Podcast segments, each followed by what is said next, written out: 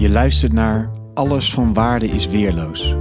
De podcast over de mooiste gedichten. Mijn naam is Allard Amelink en ik moet zeggen, ik weet vrij weinig van poëzie.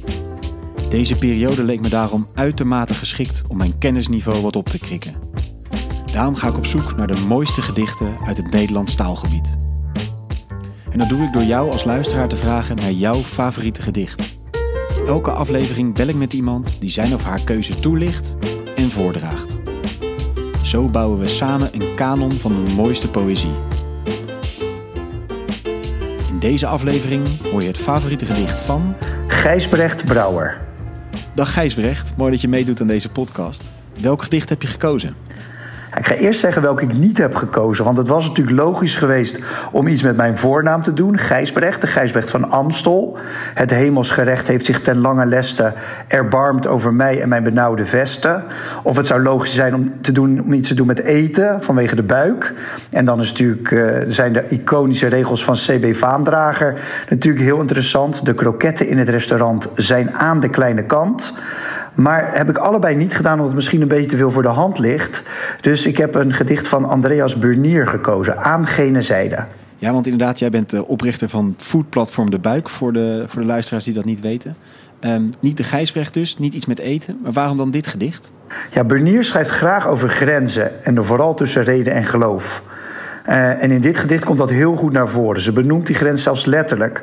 En voor mij is deze, deze grens iets minder van belang. Ik zie een andere overgang. Want zoals kunst betaamt, geeft dit gedicht ruimte om zelf te interpreteren. Tussen wat is die grens eigenlijk? Tussen dag en nacht? Wakker en slapen? Leven en dood? Economie en natuur? Slechte liefde en goede liefde? Ja, dat laatste, dat persoonlijke, dat triggert mij. Voor mij is de centrale strofe die over liefde. Liefde ontdaan van liefdeskilte. We mogen zelf allemaal bepalen hoe we tot die liefde komen. Maar je zal er een grens voor moeten opzoeken. Uit de comfortzone gaan. En het kan ook wel even duren. Want ze spreekt zelf over reflecties in spiegels die verweerd zijn van het wachten. Wachten tot je de rust en de echte liefde vindt. Maar je zou het ook groter kunnen zien. We zijn met z'n allen doelloos op dit moment aan het wachten op een overgang naar gene zijde. De nieuwe wereld. Ja, wat mij betreft is het daarom een zeer actueel gedicht.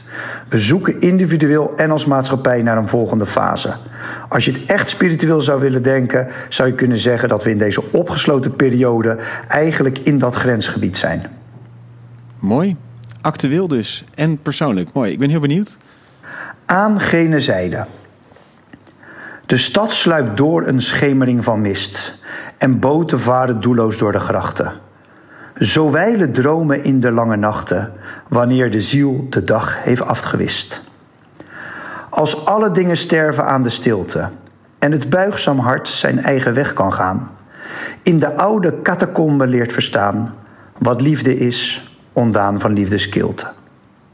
De stad weerkaatst veelvoudig mijn gezicht, in spiegels die verweerd zijn van het wachten. Op deze vrede, vrij van aards betrachten, het Rijk van Gins in grensgebied gesticht. Dankjewel, Gijsbrecht. Graag gedaan.